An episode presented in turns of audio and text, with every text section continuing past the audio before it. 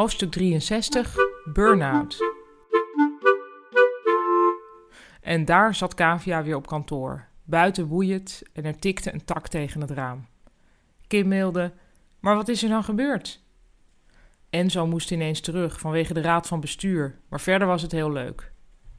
Gelukkig had Enzo haar meteen gebeld toen ze weer in Nederland waren en hij had gezegd dat ze snel weer gingen afspreken, maar ze wist niet of ze hem nu moest bellen of juist niet.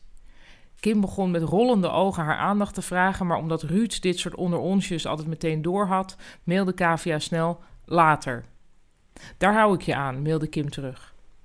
Even later kwam er ook een mail van Roy binnen, waar alleen maar in stond: Wat hoor ik nou?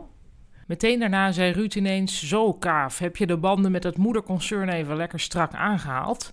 Hij lachte. Hm, zei Kavia. Het was stil. Kim mailde: Hij heeft het niet van mij.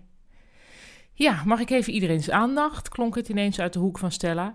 Harmjan van IT komt voorlopig niet meer op het werk omdat hij een burn-out heeft. Dus als iemand nog een neefje heeft dat iets van IT weet. Hè, zei Kim, Harmjan?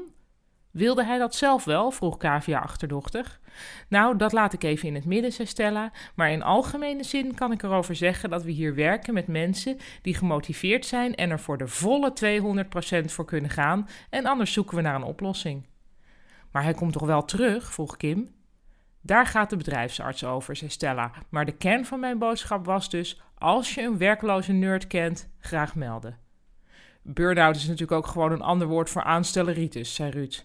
Nou, Ruud, dat moet je niet zeggen, begon Kim. Ik ken iemand die helemaal niet meer kon ademen, echt. Als je helemaal niet meer kunt ademen, dan ga je dood, zei Ruud. Wat uiteindelijk ook een oplossing van het probleem is.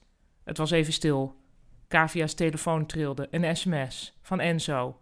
Ik kan best lekker koken, stond er.